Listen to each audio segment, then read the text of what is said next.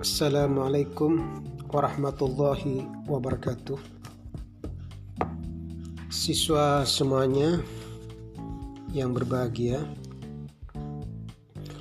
mari kita kembali melakukan pembelajaran biologi untuk pertemuan kedua ini. Pada pertemuan kedua ini,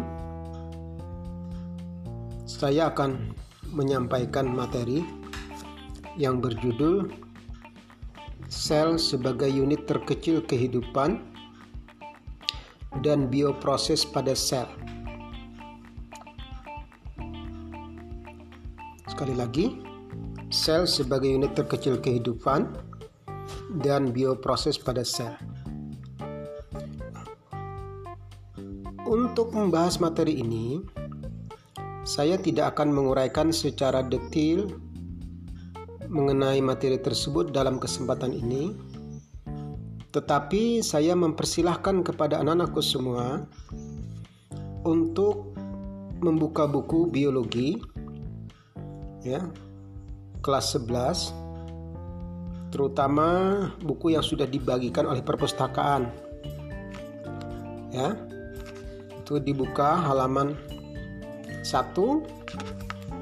sampai nanti halaman 6 kamu buka ya jadi halaman 1 sampai halaman 6 nah.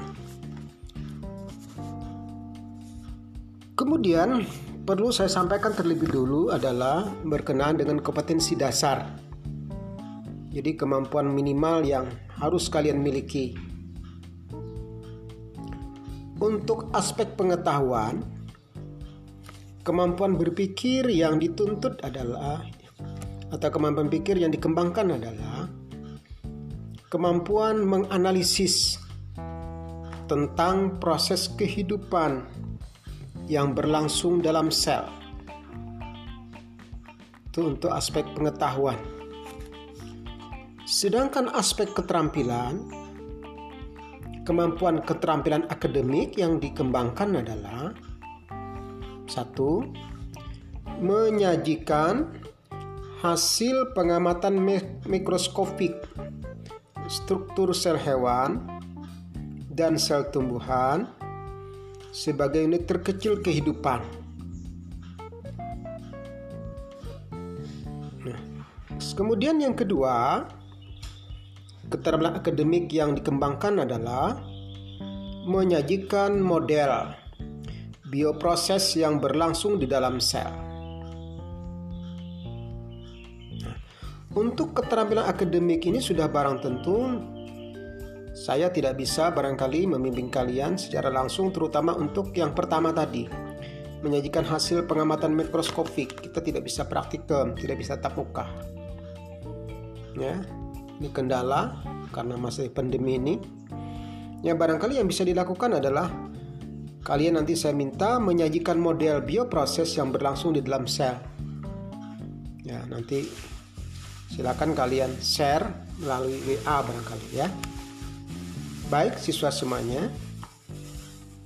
Nah, kemudian tujuan pembelajaran itu silahkan kalian baca di buku biologi tadi halaman 1. Itu ada 8 tujuan. Ya. Mulai mengidentifikasi konsep sel sebagai unit struktural dan fungsional terkecil sampai dengan tujuan pembelajaran yang ke-8 menyajikan model bioproses yang berlangsung di dalam sel. Ya.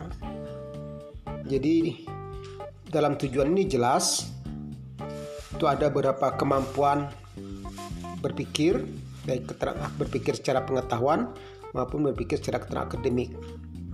Kalau mengidentifikasi, menentukan, membedakan itu berarti adalah kemampuan penerapan pemahaman dan penerapan di sana. Jadi sudah termasuk kemampuan tingkat rendah ya. Mengidentifikasi, menentukan dan membedakan itu termasuk uh, kemampuan berpikir, aspek pemahaman dan aspek penerapan. Nah, sedangkan menganalisis ya memang menganalisis, sedangkan menyajikan ini sudah meliputi kemampuan berpikir akademik baik ke akademik evaluasi sintesis bahkan mencipta dalam tingkat rendah ya. Nah saya kira itu. Baik siswa semuanya. Nah silakan kalian baca materi buku ini. Jadi setelah halaman satu kalian buka dilanjutkan dengan halaman 2 tuh lihat peta konsepnya jadi gambaran umum materi yang akan kita pelajari itu ada tiga pertama konsep sel dan komponen kimiawi penyusun sel. Itu yang pertama. Yang kedua, struktur dan fungsi bagian-bagian sel. Dan yang ketiga adalah bioproses dalam sel. Jadi, pada materi yang berjudul sel sebagai unit terkecil kehidupan dan bioproses pada sel ini ada tiga ya, ada tiga hal yang akan dipelajari. Nah, baik siswa semuanya. Ya. Jadi kalian baca peta konsepnya. Nah, baik. Sekarang kita akan masuk ke materi. Ya. Yaitu judulnya adalah konsep sel dan komponen kimiawi penyusun sel. Itu judulnya. Kamu buka halaman 3 nanti kamu terus kamu baca sampai halaman 5 sedangkan halaman 6 itu ada tugas cermati kembali. Jadi kalian nanti diminta setelah membaca secara cermat materi dari halaman 3 sampai halaman 5 di halaman 6 itu ada cermati kembali itu ada empat pertanyaan nah pertanyaan itu harus kamu jawab sebagai tagihan saya yang nanti kamu kirimkan melalui WA kelas ini untuk saya periksa sampai sejauh mana pemahaman kamu terhadap materi yang sudah kamu baca itu. Ya. Nah, baik siswa semuanya, saya akan mengantarkan materi ini. Di dalam pembelajaran biologi ini, kalian disajikan materi yang pertama tentang sel. Ya, Nah, kenapa disajikan materi tentang sel? Karena menurut teori sel, ya beberapa teori sel yang dilakukan para ahli, pada hakikatnya untuk mempelajari makhluk hidup itu bisa diawali dengan mempelajari sel. Karena pada hakikatnya proses kehidupan yang berlangsung pada tubuh makhluk hidup itu itu sebenarnya berlangsung di dalam setiap sel makhluk hidup. Nah, oleh sebab itu, kalau kita mempelajari sel dan kita bisa memahami tentang sel, maka otomatis kita akan bisa mempelajari tentang makhluk hidup. Proses-proses yang terjadi dalam makhluk hidup. Nah, oleh sebab itu, maka di dalam pembelajaran biologi ini, kalian terlebih dahulu mempelajari tentang sel. Nah, sekarang pertanyaannya adalah yang pertama, apa sih sebenarnya sel itu? Ya. Apa sebenarnya sel itu? Nah, sel itu dikemukakan pertama kali oleh Robert Hooke. Ya. Sel itu berarti adalah merupakan ruang-ruang kosong. Itu hasil dari pengamatan beliau terhadap jaringan tumbuhan yang sudah mati. Ternyata pada jaringan tumbuhan itu terdapat ruang-ruang kosong. Nah, itulah yang disebut dengan sel. Nah, pertanyaan selanjutnya,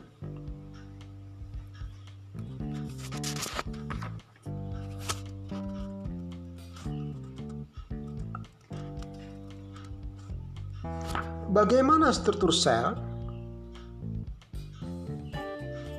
dan bagaimana sel-sel tersebut menyusun suatu organisme dan proses-proses apa yang berlangsung dalam sel itu nanti silahkan kalian pelajari lebih mendalam pada buku ini mulai halaman 3 sampai halaman 5. Nah, kemudian perlu saya tambahkan ada beberapa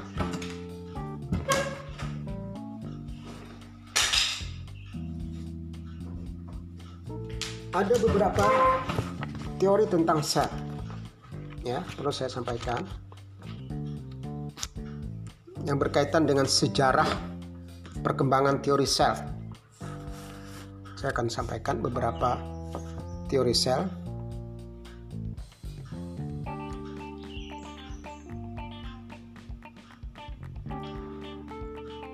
Yang pertama, saya akan sampaikan teori sel yang dikemukakan oleh Matthias Jakob Sachledin dan Theodor Sahwan.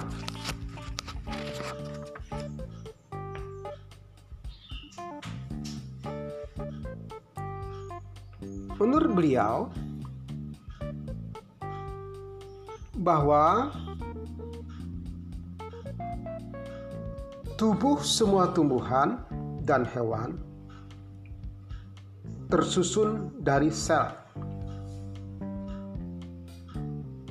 Atau dengan kata lain, sel adalah unit struktural dan fungsional dari semua makhluk hidup. Itu teori yang dikemukakan oleh Matthias Jakob Sachleden dan teori Sahwan.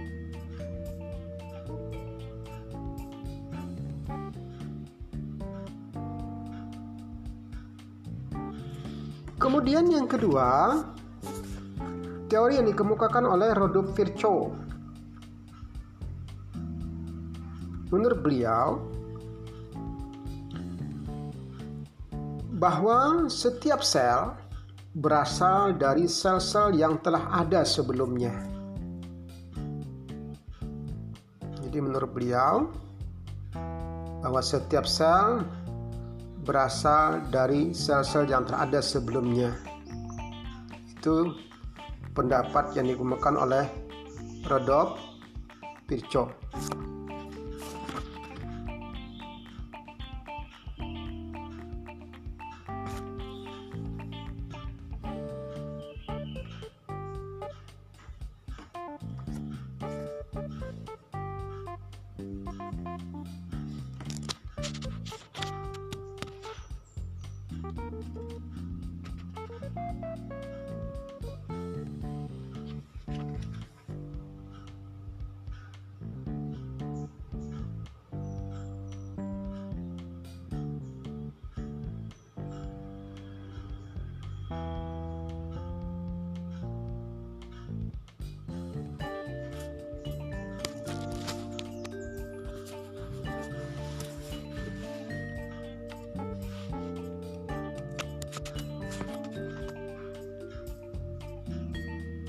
Nah, kemudian terakhir.